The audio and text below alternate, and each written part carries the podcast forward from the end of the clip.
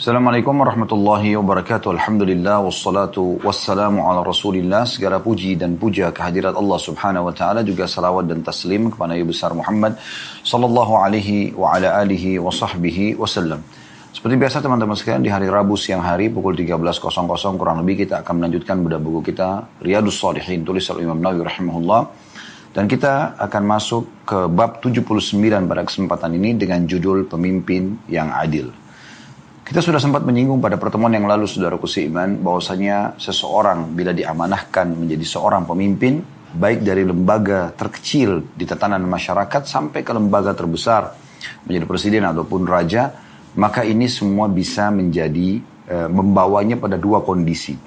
Kondisi dia akan panen pahala yang luar biasa di sisi Allah Subhanahu wa taala dan juga akan mendapatkan balasan yang mulia tentunya di dunia dan di akhirat. Di dunia Allah buat para orang yang sedang dipimpinnya mencintainya, mendukungnya dan loyalitas pada dia.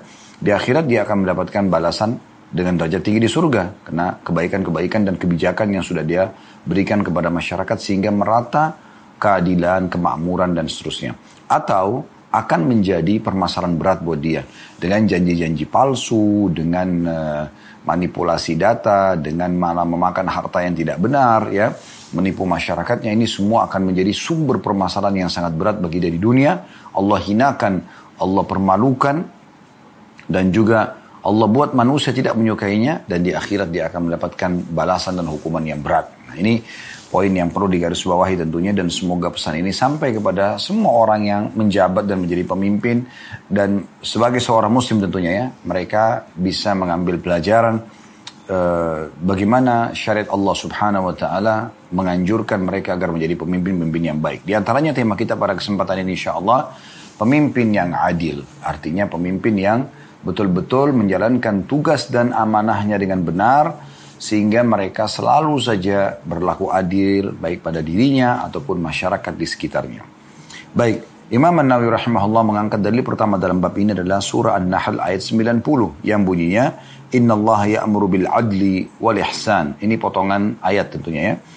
Artinya sungguhnya Allah menyuruh kalian berlaku adil dan berbuat kebajikan. Dimulai dari pemimpin kepada masyarakatnya sampai kepada seseorang pada dirinya sendiri pun dia berlaku adil. Mungkin Anda bertanya, kalau masyarakat mungkin kami sudah tahu, setiap pemimpin harus menjalankan tugasnya, amanahnya dan segala macam. Oke, dia adil pada masyarakatnya dan dia menyamaratakan semuanya keadilan tersebut. Siapa pun yang punya hak akan diberikan, walaupun dia tidak punya jabatan di pemerintahan, dan siapa pun yang tidak berhak atau melanggar akan dihukum walaupun dia punya jabatan di pemerintahan misalnya, atau punya kedudukan di tengah-tengah masyarakat. Nah, ini e, berlaku atau pada diri sendiri. Nah, diri sendiri mungkin banyak orang yang bertanya, seperti apa adil pada diri sendiri? Artinya memberikan hak dirinya sendiri. Ya, Bagaimana dirinya butuh istirahat, ya butuh makan, butuh juga beribadah, semuanya diberikan haknya. Maka ini adil terhadap diri sendiri. Ya, Dia tidak mendalimi dirinya, termasuk tidak melakukan kemaksiatan agar jangan dihukum oleh Allah. Ini adil terhadap diri sendiri. Kemudian selanjutnya, ya, Firman Allah subhanahu wa ta'ala dalil kedua surah Al-Hujurat ayat 9 yang berbunyi Wa aqsitu innallaha yuhibbul muqsitin Dan berlaku adillah karena sungguhnya Allah menyukai orang-orang yang berlaku adil. Nah, ayat ini menitik beratkan bagaimana seseorang yang adil akan mendapatkan cinta sang pencipta Allah subhanahu wa ta'ala. Dan ini menggunakan fi'l amr wa aqsitu. Berlaku adillah kalian. Ini perintah berarti ya. Dan semua yang menggunakan kata perintah seperti ini berarti arahnya kepada kewajiban. Kita akan masuk bahas hadis pertama berhubungan dengan masalah bab ini.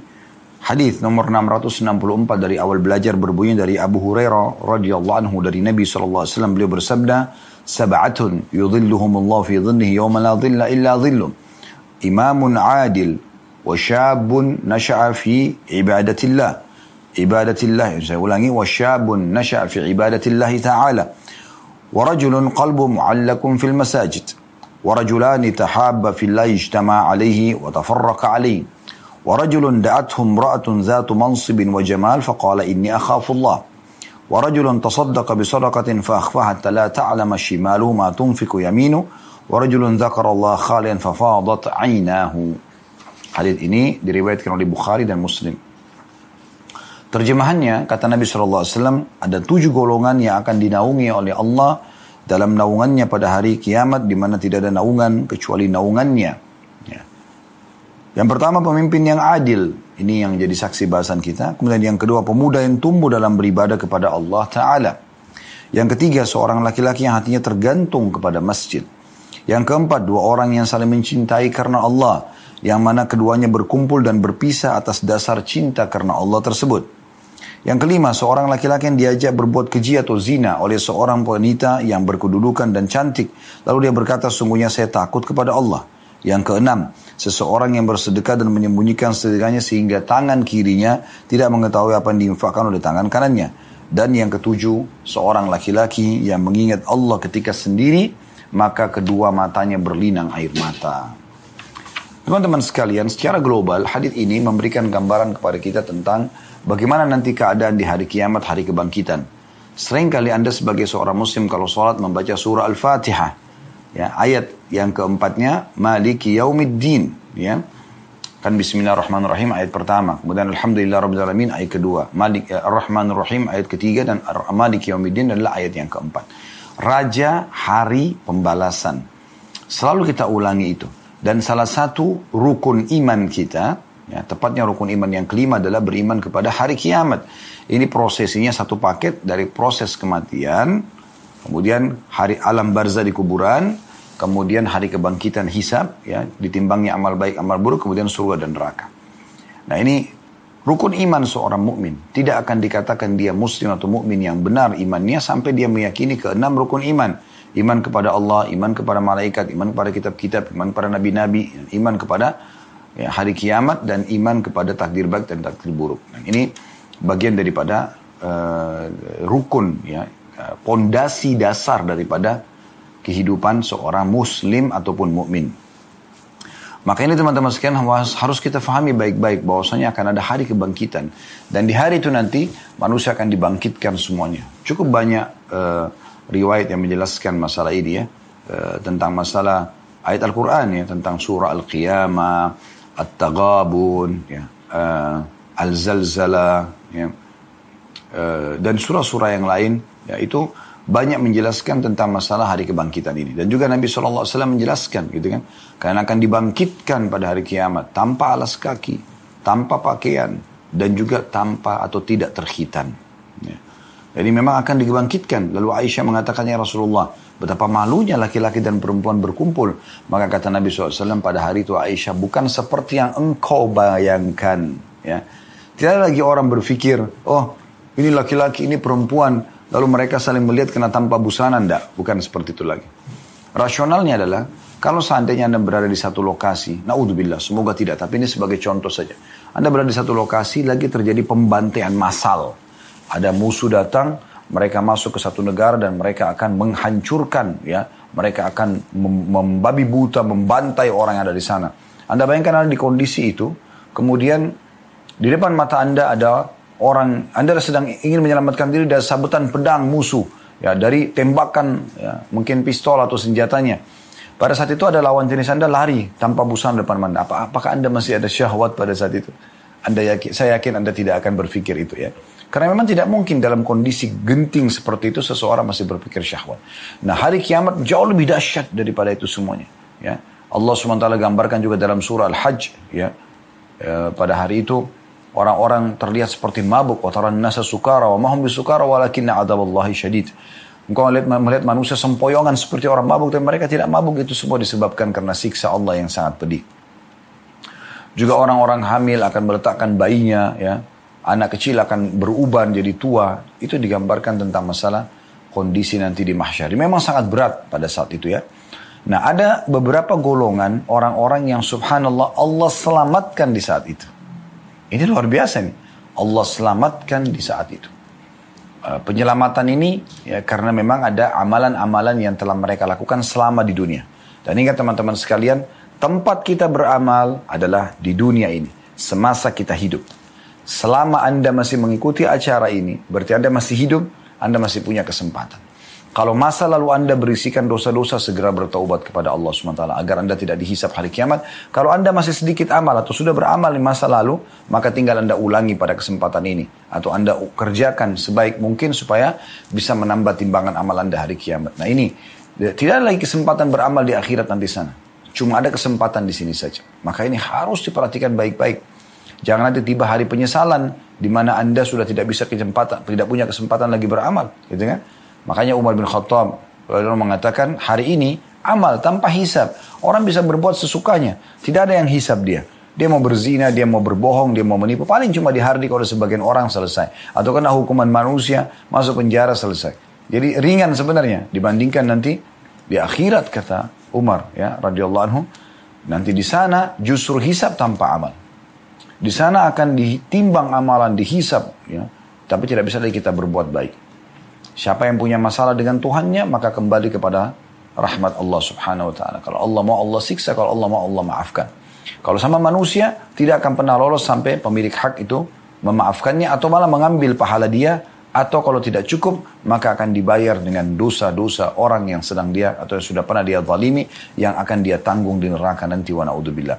Jadi memang ini kondisi dan keadaan yang sangat memilukan dan mengkhawatirkan setiap orang dan sangat pantas kalau Allah Azza wa Jalla menggambarkan dalam surah Al-Hajj dan surah-surah yang lain bagaimana dahsyatnya keadaan tersebut. Bahkan anak kecil bisa beruban jadi tua. Wanita yang menyusui bisa melepaskan bayinya, yang hamil bisa melahirkan. ya Orang semuanya sempoyongan. Nah, karena dahsyat sekali memang keadaan pada saat itu. Dan Nabi SAW mengatakan sungguhnya pada saat itu orang akan keringatan. Dan keringatnya itu akan ya menutupi tubuh dia sendiri sesuai dengan kadar dosanya. Ada yang tertutup sampai mata kakinya, ada yang sampai lututnya, ada yang sampai perutnya, ada yang sampai dadanya.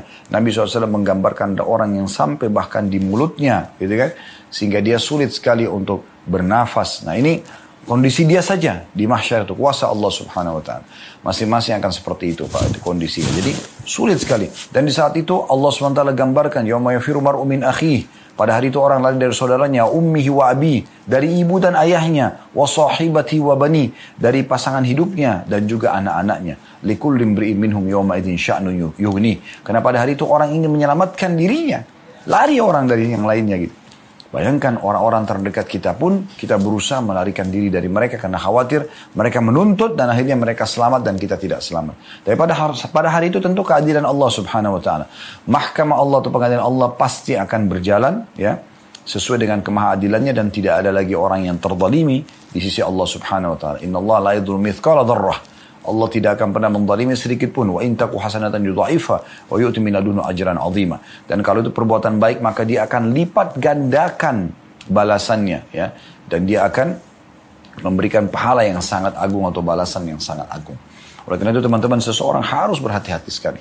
Nah pada kesempatan ini kita akan membahas tujuh golongan. Di mahsyar itu yang mereka akan selamat nanti. Saat orang lagi kepanasan, orang lagi ketakutan, orang akan menyaksikan banyaknya siksaan yang datang kepada orang-orang karena ada orang dibangkitkan dengan dia berjalan di atas wajahnya karena Nabi SAW dan dia berusaha menghindarkan wajahnya ya dari duri-duri yang ada gitu ya. dan kata Nabi SAW sesungguhnya yang telah membuat mereka jalan di dunia di atas kaki itu mampu membuat mereka jalan di atas wajah mereka nanti di mahsyar jadi luar biasa gitu sangat dahsyat ya. dan Nabi SAW menjelaskan tentang masalah syafaat ya hadis syafaat kubra Bagaimana uh, orang-orang karena sudah sangat jenuh, tidak tahu harus buat apa. Matahari pada saat itu cuma satu mil jaraknya.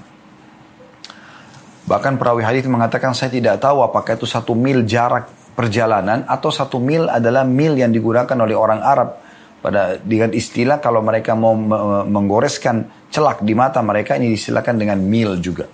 Di saking panasnya, saking dekatnya matahari sampai membuat mereka kepanasan luar biasa. Nah, ini teman-teman sekalian kondisinya. Nah di saat itu ada orang-orang yang akan selamat nanti dan semoga kita termasuk insya Allah. Tinggal anda fahami tujuh golongan ini dan anda jadikan diri anda salah satunya maka anda akan selamat. Apalagi kalau bergabung pada diri anda beberapa sifat ini. Baik, ini adalah globalnya uh, pemakna makna daripada hadis. Kita akan masuk teman-teman sekalian langsung saja mengambil faedah-faedah dari hadis.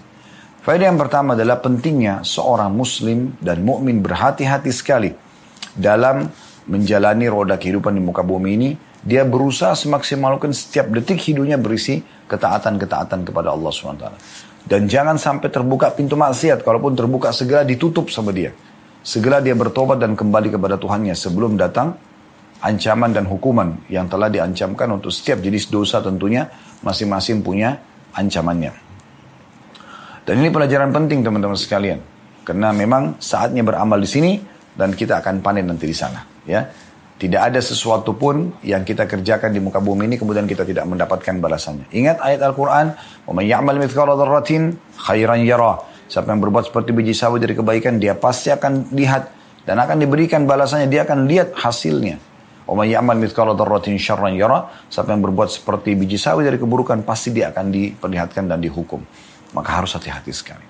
Baik itu pelajaran pertama tentang pentingnya seorang muslim beramal soleh dan berhati-hati tentang di selama dunia ini dan berhati-hati tentang hari kebangkitan yang nanti dia akan dihisap di sana dan penentuan penyelamatan dia. Serta di akhirat cuma ada dua, surga tempat kenikmatan abadi semoga Allah jadikan kita sebagai penghuninya. Allahumma amin dan tanpa hisap insya Allah atau neraka yang naudzubillah tempat siksaan abadi yang tidak bisa orang beristirahat sama sekali di sana.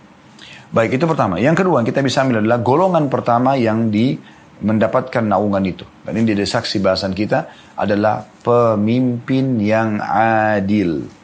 Pemimpin yang adil. Ini dia golongan pertama yang disebutkan Nabi SAW. Tentu ada alasan kenapa pemimpin disebutkan golongan pertama. Karena memang orang yang sampai pada jabatan ini, tingkatan ini, dia berada di dua keadaan tadi saya bahasakan di awal pembukaan kita. Bisa dia panen pahala yang luar biasa, karena kebijakan-kebijakan dia yang memakmurkan masyarakatnya, menyebarkan keadilan, menghidupkan pendidikan, menjalankan syariat Allah Subhanahu wa taala, menghilangkan kriminal dan kejahatan-kejahatan serta kemungkaran. Ini kan sumber pahala yang luar biasa. Di saat seorang pemimpin menjadi pemimpin, dengan satu tanda tangan dia, sekian proyek masjid bisa berjalan. Lembaga pendidikan, eh, pementasan kemiskinan, gitu kan, penanggapan bencana misalnya. Berapa banyak orang yang mendapatkan manfaat dari keputusan tersebut. Dan dengan itu, dia panen pahala seluruh orang-orang tersebut. Contoh yang lain misalnya. Bukankah pemerintah kayak di pemerintah kita, semoga Allah selalu jaga insya Allah dan makmurkan, serta Allah berikan petunjuk para pemimpin kita agar menjalankan tugas mereka dengan benar dan Allah balas apa pun kebaikan yang sudah mereka berikan kepada negara kita, kepada masyarakat kita. Allahumma amin. Maka Contoh misalnya, pada saat mau Ramadan, bukankah pemerintah mengiklankan? Ya. Presiden menginstruksikan, kemudian Menteri Agama menyampaikan. Dengan satu penyampaian saja, eh, pemerintah memutuskan Ramadan akan, puasa Ramadan akan mulai esok hari. Bayangkan berapa ratus juta umat Islam di Indonesia yang sedang berpuasa. Yang dipanen pahalanya oleh semua pihak pemerintah. Yang terlibat dalam masalah ini. Ini kan luar biasa. Satu instruksi. Dan bukan para pemimpin yang repot untuk melihat bulan misalnya. Tugaskan orang lain pegawai. Coba bayangkan. Bukankah itu sebuah keputusan yang luar biasa?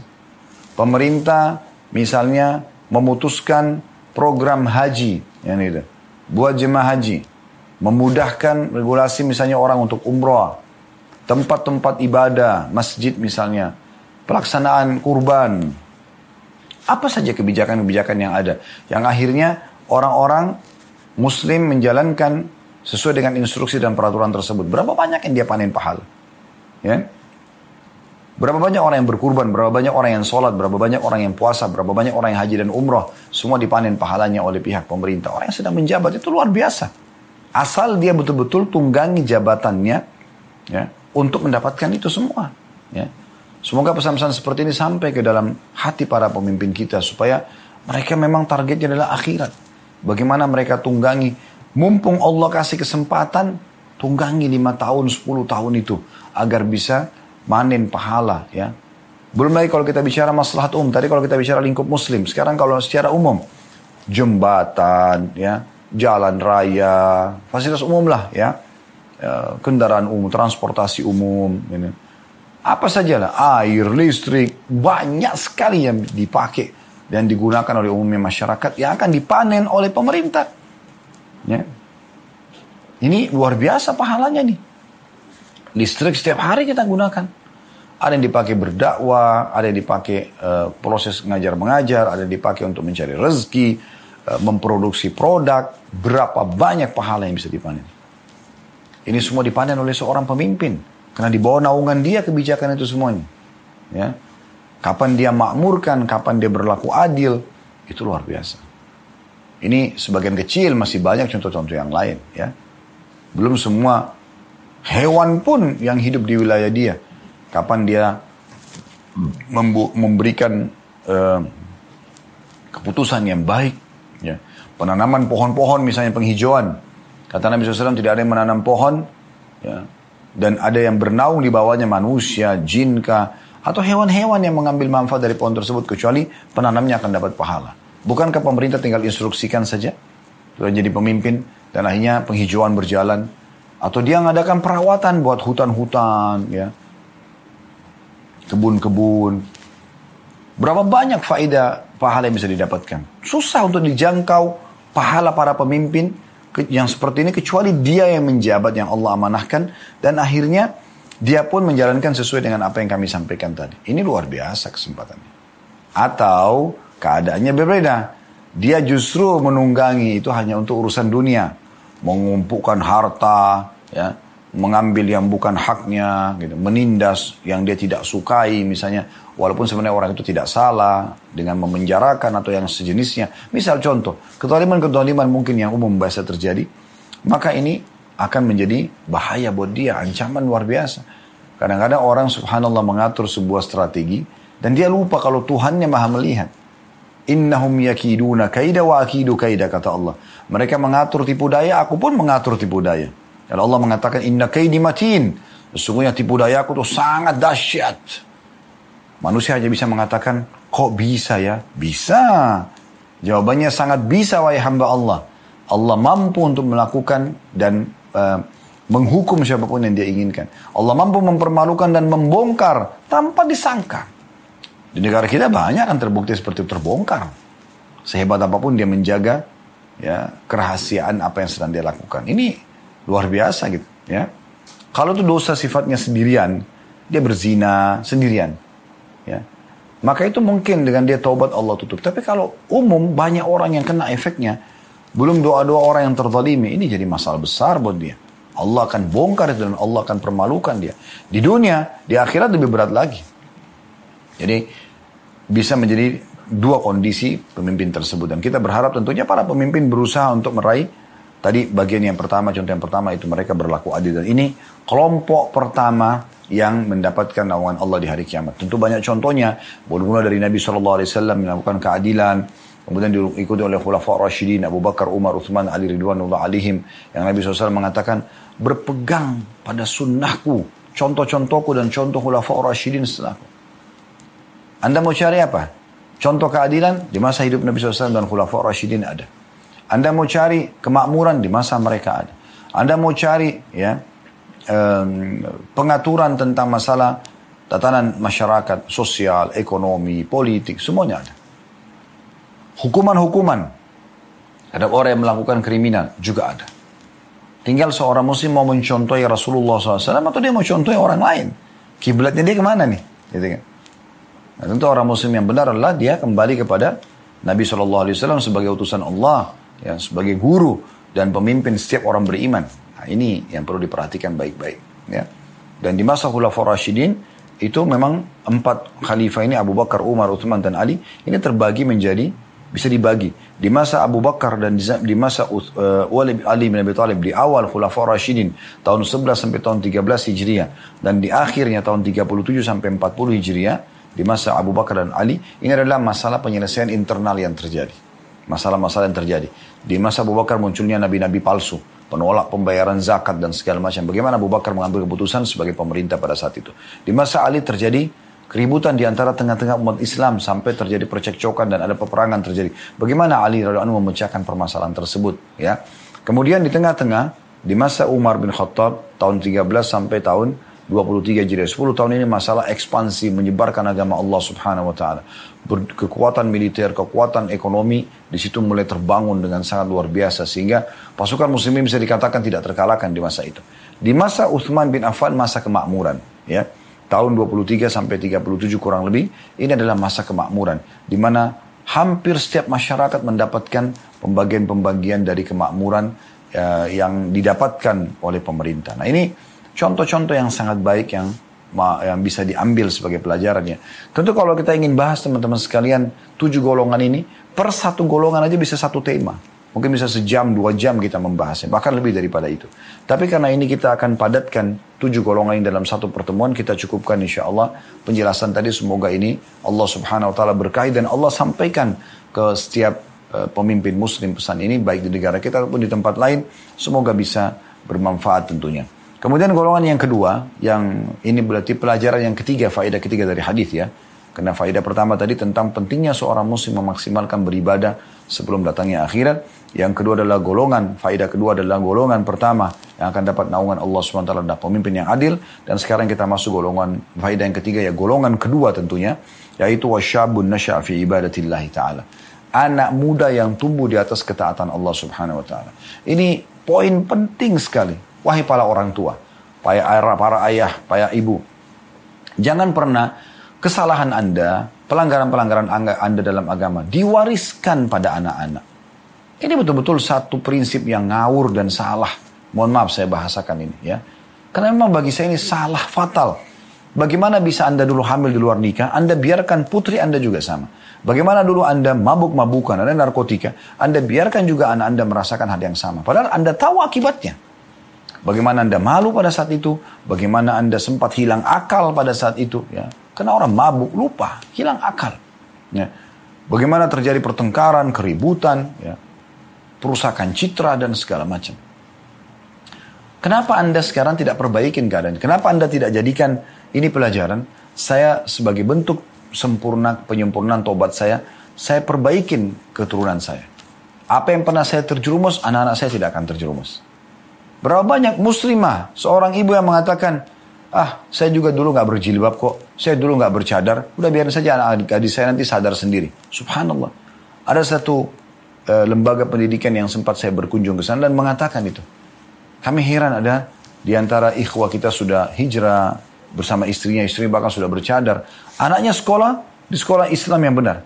Tapi begitu tamat masuk kuliah, udah nggak masalah. Disuruh buka jilbab, disuruh pakaian-pakaian ketat. Kenapa? Karena dulu juga kata ibunya, saya juga dulu sadar sendiri. Nanti biar saja anak saya sadar sendiri. Bukan karena dibawa dengan sebuah sistem. Subhanallah. Lalu untuk apa disekolahkan di awal dengan sekolah bagus. Manhaj dan metode yang bagus. Kemudian setelah itu Anda rusak kembali anak Anda. Kenapa biarkan dia tampil dengan jilbabnya, pakaian muslimahnya di kampusnya? Masalahnya apa? Justru biarkan dia yang mewarnai teman-temannya. Kenapa dia harus terwarnai?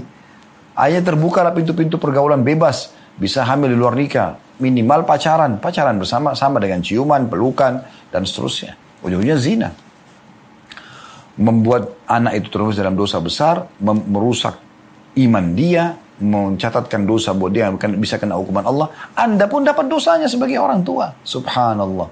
Ya. Kenapa justru tidak kita tutupin kekurangan kita dan kesalahan kita dulu sama Allah dengan cara memperbaiki anak kita. Kalau kita mengenal Al-Quran di umur 35 tahun dan 40 tahun misalnya, itu pun kita masih terbata-bata dalam membaca. Anak kita kalau perlu di bawah 10 tahun sudah harus hafal 10, 30 juz Al-Quran. Itu kan banyak sekarang lembaga-lembaga yang memudahkan orang untuk melakukan itu. Kenapa tidak? Nah ini penting. Ya. Jadi bagaimana golongan kedua ini yaitu berperan sekali orang tuanya dalam membentuk anak muda yang tumbuh di atas ketaatan kepada Allah SWT.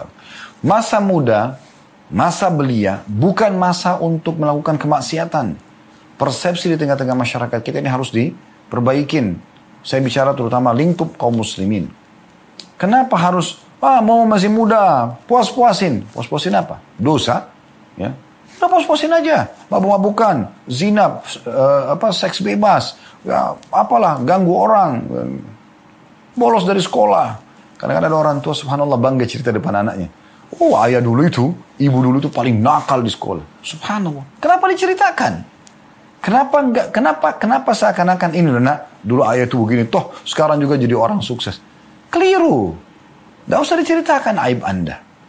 Ceritakan yang baik-baik saja. Dulu ayah di sekolah itu lihat ada temannya ayah sangat pintar. Ada temannya ibu sangat pintar. Ibu dan ayah dulu berharap jadi seperti dia. Nah, nanti kamu seperti itu ya nak. Jadi kita tidak punya kelebihan. Oke kita ceritakan tentang kelebihan orang lain. Biar anak kita mencontohinya. Jadi ini yang benar teman-teman sekalian. Jangan salah dalam mendidik anak. Kalau anak-anak muda ini tumbuh di atas ketaatan Allah, apalagi kalau ada yang tampan, ada yang cantik, kenapa selalu arahnya buat maksiat? Tampilkan dia sebagai ahli maksiat. Kenapa enggak mereka itu justru harus lebih terhormat, lebih menutup auratnya, tampil dalam kondisi tampan dan cantik dan faham agama orang beriman. Nah, itu dia yang harus terjadi. Bukan malah kita terjerumuskan mereka pada hal-hal yang buruk gitu kan. Nah, golongan keduanya adalah anak muda yang tumbuh di atas ketaatan Allah Subhanahu wa taala. Dan ini pasti peran besar dari orang tuanya. Mereka pun akan panen pahala. Jadi emang anak-anak muda itu justru yang semangat pergi ke masjid sholat berjamaah ya laki-lakinya. Dari kecil dibawa ke masjid. Anak-anak perempuannya semua pakai jilbab gitu kan belajar agama, mereka biasa diskusi-diskusi agama kalau lagi duduk. Dari kecil biasakan itu. Mendengar kisah tentang nabi-nabi, kisah tentang para sahabat, tentang sahabiat, tentang orang-orang saleh. Memahami tentang makna-makna surah-surah Al-Quran yang 114 itu apa saja nama-namanya. Kenapa Allah namakan itu. Membahas tentang hadis-hadis Nabi SAW. Kisah-kisah tentang umat sebelum kita kisah-kisah tentang uh, umat-umat setelah kita, kondisi orang nanti pada saat dibangkitkan, ya di hari kiamat nanti, surga dan neraka, itu yang diceritakan. Biarkan itu yang hidup di suasana rumah dan di majlis Anda. Nah ini yang sangat baik. Ya, Ini golongan kedua yang akan Allah subhanahu wa ta'ala naungi. Dan golongan yang ketiga ini faedah keempat dari hadis adalah dan seseorang yang hatinya terikat dengan masjid. Nah di sini disebutkan warajul, seorang laki-laki. Kenapa? Karena laki-laki yang umumnya dalam pendapat jumhur ulama yang diwajibkan ke masjid untuk sholat lima waktu. Ya, pendapat Imam Ahmad dan teman-temannya yang lain itu berpendapat bahwa saya wajibnya laki-laki ke masjid pada saat sholat lima waktu. Nah, makanya laki-laki yang dikatakan hati terikat. Yang maksud terikat di sini adalah gelisah dari sholat ke sholat setelahnya. Dia tidak mau kehilangan. Ya, sebelum azan sudah wudhu, sibuk. Ini lima menit lagi azan Oh dia sudah siap-siap untuk ke masjid. Bahkan dia sudah menunggu azan tersebut di masjid supaya tidak kehilangan ya sholat qobliyah, doa antara azan dan iqamah, takbiratul ihram pertama imam. Ini semua punya keutamaan tentunya. Ya. Bukan justru dengar azan, ya nanti aja deh, masih lama iqamahnya. Atau baru wudhu, antri panjang, akhirnya kehilangan qobliyah. Ya. Kehilangan takbiratul ihram pertama imam. Itu tidak bisa diperbaikin. Kalau Anda sudah masuk satu rakaat, Anda tidak bisa minta pada imam, tolong kembali ke rakaat pertama dong imam, saya mau sholat. Uh, supaya dicatat oleh malaikat dari awal. Gak bisa. Sudah sampai hari kiamat Anda tercatat hari itu masbuk. Gak bisa Anda perbaikin. Maka seseorang muslim harus jeli dalam masalah seperti ini. Bagaimana dia segera berada di bagian depan, saf depan dalam mengerjakan ketaatan kepada sang pencipta Allah subhanahu wa ta'ala. Ini akan sangat menggembirakan dia. ya Terutama dalam masalah sholat tentunya. ya jadi hatinya terikat dengan masjid. Sebagian ulama hadith mengatakan adalah dia dari habis sholat menunggu sholat setelahnya lagi. Itu menjadi target utama dia. Sambil diisi dengan aktivitas yang lain, iya. Tapi dia terikat hatinya dengan masjid. Dan masjid adalah rumah Allah subhanahu wa ta'ala. Ini menandakan berarti setiap muslim menghidupkan rumah Allah subhanahu wa ta'ala. Bukan malah membuat masjid tersebut sunyi, ya. Tidak ada aktivitas harusnya setiap muslim menghidupkan. Apalagi kayak kita di Indonesia. Terutama lagi di Jakarta Masya Allah atau di sekitaran Jabodetabek ini. Jabodetabek ini luar biasa bagaimana ya masjid-masjid dan musola sangat banyak ya yang rata-rata semuanya itu bisa ya kita datang dan sholat di sana. Nah ini golongan yang ketiga yaitu orang yang selalu hatinya terikat dengan masjid. Baik teman-teman sekalian kita lanjutkan insya Allah ke faida yang kelima dari hadis ini. Dan kita akan masuk menjelaskan golongan yang keempat yang akan dapat naungan Allah Subhanahu wa taala pada hari kiamat. Saya ingatkan kembali, tadi sudah kita sebutkan golongan pertama adalah imam yang adil, golongan kedua adalah seorang anak muda yang tumbuh di atas ketaatan Allah Subhanahu wa golongan yang ketiga yaitu seseorang yang laki-laki yang hatinya terpaut dengan masjid ya. Kita akan masuk langsung golongan keempat insya Allah. Ini faedah kelima dari hadis ya. Karena tadi selain golongan-golongan ini kita sudah tambahkan faedah pertama bagi teman-teman yang belum mengikutinya atau yang sudah mengikuti tapi kita ingatkan kembali yaitu tentang pentingnya seorang muslim menjaga seluruh amal-amal soleh dia ya agar dia bisa selamat nanti di mahsyar. Golongan keempat ini yang merupakan faedah kelima dari hadis yaitu dua orang yang saling berkumpul dan berpisah karena Allah Subhanahu wa taala. Ya ini uh, salah satu keunggulan Islam ya di mana kita dianjurkan agar menjalin ukhuwah dan ini terbagi dua. Ada ukhuwah yang umum artinya kita mencintai semua muslim ya dengan cara kita mendukung perbuatan baik dia dan kita mengingatkan kalau dia melakukan perbuatan buruk tentu dalam pandangan agama Allah. Baik buruknya ya. Kemudian ada ukhuwah khusus. Khusus ini artinya kita mencari sesama jenis kita, laki-laki sama laki-laki dan perempuan sama perempuan, kita mencari siapa yang lebih soleh dan soleha dari kita. Misalnya dia lebih baik sholat malamnya, lebih baik ibadah-ibadah secara umum, puasa-puasanya, zikirnya, dan seterusnya. Atau lebih tinggi ilmunya misalnya. Lebih dalam imannya, lalu kita jadikan dia sebagai sahabat kita. Nah ini kita jadikan sahabat kita. Dan kita menyatakan kepada dia, saya mencintai anda karena Allah. Nah ini sunnah Nabi SAW. Makanya Nabi SAW selain menjelaskan firman Allah SWT kepada muslimin di masa hidup beliau, uh, yang berbunyi innamal mu'minuna ikhwatun fa aslihu baina akhawaykum. Sesungguhnya orang-orang beriman itu bersaudara maka perbaikilah persaudaraan antara kalian. Ini umum ya. Namun beliau juga lakukan yang khusus yaitu beliau persaudarakan antara individual. Seperti kasus Sa'ad dengan Abdurrahman radhiyallahu anhu Jumain misalnya dan beberapa sahabat-sahabat Nabi yang lain memang yang dipersaudarakan secara individual. Nah mereka ini setelah saling mencintai karena Allah mereka selalu bersama-sama bersahabatlah ya. Saling mengingatkan saling mendukung kalau berbuat baik saling uh, mengingatkan kalau terjadi kelalaian atau pelanggaran agama. Makanya di sini dikatakan dua orang yang saling mencintai karena Allah berkumpul karenanya dan berpisah karenanya. Maksudnya mereka tetap bersahabat selama masih berada di atas jalan Allah SWT dan mereka berpisah kalau salah satunya misalnya melanggar agama dan diingatkan tidak mau dengar. Maka kita memilih sahabat yang lain. Nah ini ciri khas Islam. Bagaimana kita secara umum mengingatkan siapa pun di depan kita yang sedang melakukan perbuatan salah.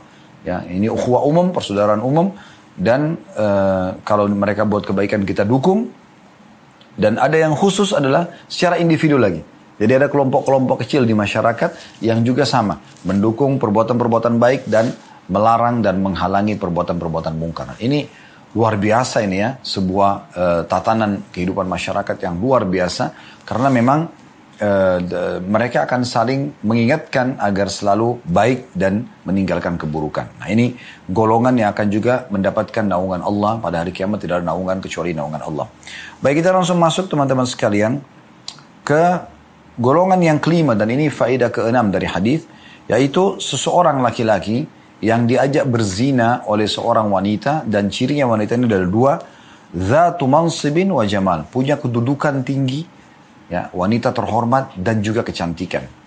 Lalu dia mengatakan saya takut kepada Allah. Nah ini ujian yang berat ya bagi setiap laki-laki yang pas bertemu dengan seorang wanita yang Allah berikan kecantikan, kekayaan, kepintaran, kedudukan, kemudian mengajak dia untuk tidur bersama.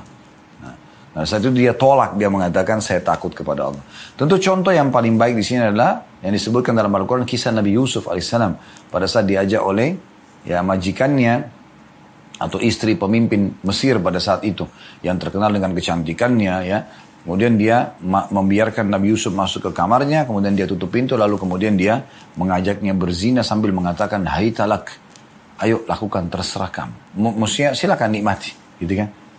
Di kamar dia di sebuah ruang seorang ratu ya pasti tentu wangi cantik rapi mewah itu kan pasti berkumpul semuanya di situ ya Eh, maka dia menolak Yusuf alaihissalam. Dalam Al-Quran digambarkan dalam surah Yusuf kisah yang luar biasa. Bagaimana Yusuf alaihissalam berusaha menghindari melarikan diri dari wanita tersebut, ya. Dan di saat wanita itu mengejar Yusuf dan melewati ada patung di salah satu sudut kamarnya, dia sempat mengambil kain lalu dia tutup dan itu dianggap Tuhannya soalnya, ya. Lalu Nabi Yusuf alaihissalam mengatakan, Bagaimana bisa engkau malu dengan patung benda mati ini sementara aku tidak malu dengan zat yang maha hidup dan maha melihat. Maka Yusuf AS makin lari. Begitu Yusuf AS menuju ke pintu kamar wanita tersebut, maka wanita itu langsung merama, menjama baju Nabi Yusuf dan menariknya sehingga sobeklah. Subhanallah kuasa Allah waktu dibuka pintu, depan pintu ada sang raja atau suami si ratu tadi. Spontan si wanita ini subhanallah didukung oleh syaitan dia mengatakan apa? Apa hukumannya bagi laki-laki yang ingin mengganggu istrimu? Subhanallah. Ya. Dia sudah ketakutan jangan sampai suaminya tahu nih dia memang yang mau berbuat kejahatan. Maka Nabi Yusuf AS, dia yang menawarkan diri kepada aku, aku tidak pernah sama sekali berpikir itu. Nah, untungnya si raja ini bijak. Dan dia adil. Dia tidak langsung spontan memfonis laki-laki ada dalam kamar dia bersama istrinya. Lalu istrinya mengatakan ini orang mau ganggu saya. Langsung spontan dia hukum laki-laki tersebut. Tidak. Dia punya kebijaksanaan dan akal yang sehat. Maka dia mengatakan panggil seseorang uh, hakim lalu dia uh, meminta pendapatnya. Hakim itu mengatakan kita lihat saja bajunya Yusuf. Kalau baju Yusuf itu sobek dari depan, berarti Yusuf yang mau memerkosa, ya, sehingga di, uh, uh, si wanita ini berusaha menyelamatkan diri darinya dengan menyobek bajunya. Tapi kalau baju Yusuf sobek dari belakang, berarti memang yang salah wanita ini dan Yusuf yang benar. Waktu dilihat pakaiannya ternyata betul baju Yusuf alaihissalam robek dari belakang, gitu kan? Maka sang suami mengatakan, sungguhnya ini termasuk tipu daya kalian, ya, wahai para wanita. Maka bertobatlah, ya karena sebenarnya kau yang salah. Tersebar berita di satu Mesir pada saat itu, kalau ya istri raja atau sang ratu tergoda dengan anak angkatnya sendiri. Maka dia karena marah, diundang seluruh wanita-wanita tersebut, terutama istri-istri pejabat, ditaruh satu ruangan, kemudian diletakkanlah pisau yang tajam dengan buah, ya, di setiap orang memiliki itu. Kemudian waktu ini menyuruh para uh, Yusuf alaihissalam lewat di depan mereka. Waktu Yusuf lewat di depan mereka, saking tampannya Yusuf alaihissalam, ya, Sampai Allah SWT menggambarkan fakabbarna wa qatta'na aydiyahun. Maka para wanita tersebut tiba-tiba bertakbir, ya bersorak. Kemudian mereka mengatakan ya uh, apa?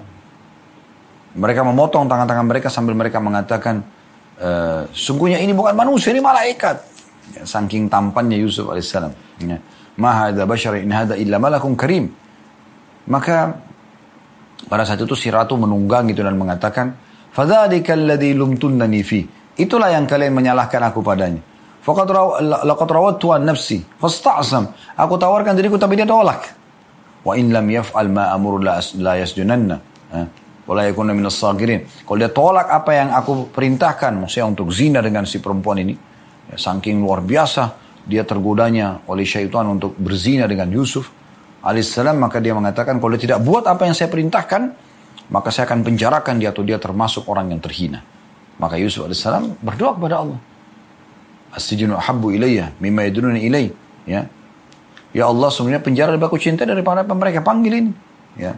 Tapi ringkas cerita dari semua ini teman-teman sekalian. Tentu kalau kita bahas surah Yusuf akan panjang. Intinya adalah bagaimana Yusuf AS menolak wanita cantik seperti ini, kekayaannya, uh, punya kedudukan untuk berzina karena takut kepada Allah. Dan ini akan berlaku pada semua laki-laki yang mendapatkan penawaran yang seperti ini tentunya. Kalau seandainya wanita punya kedudukan dan kecantikan pun ditolak, maka tentu lebih pantas kalau orang yang jelek dan tidak punya kedudukan.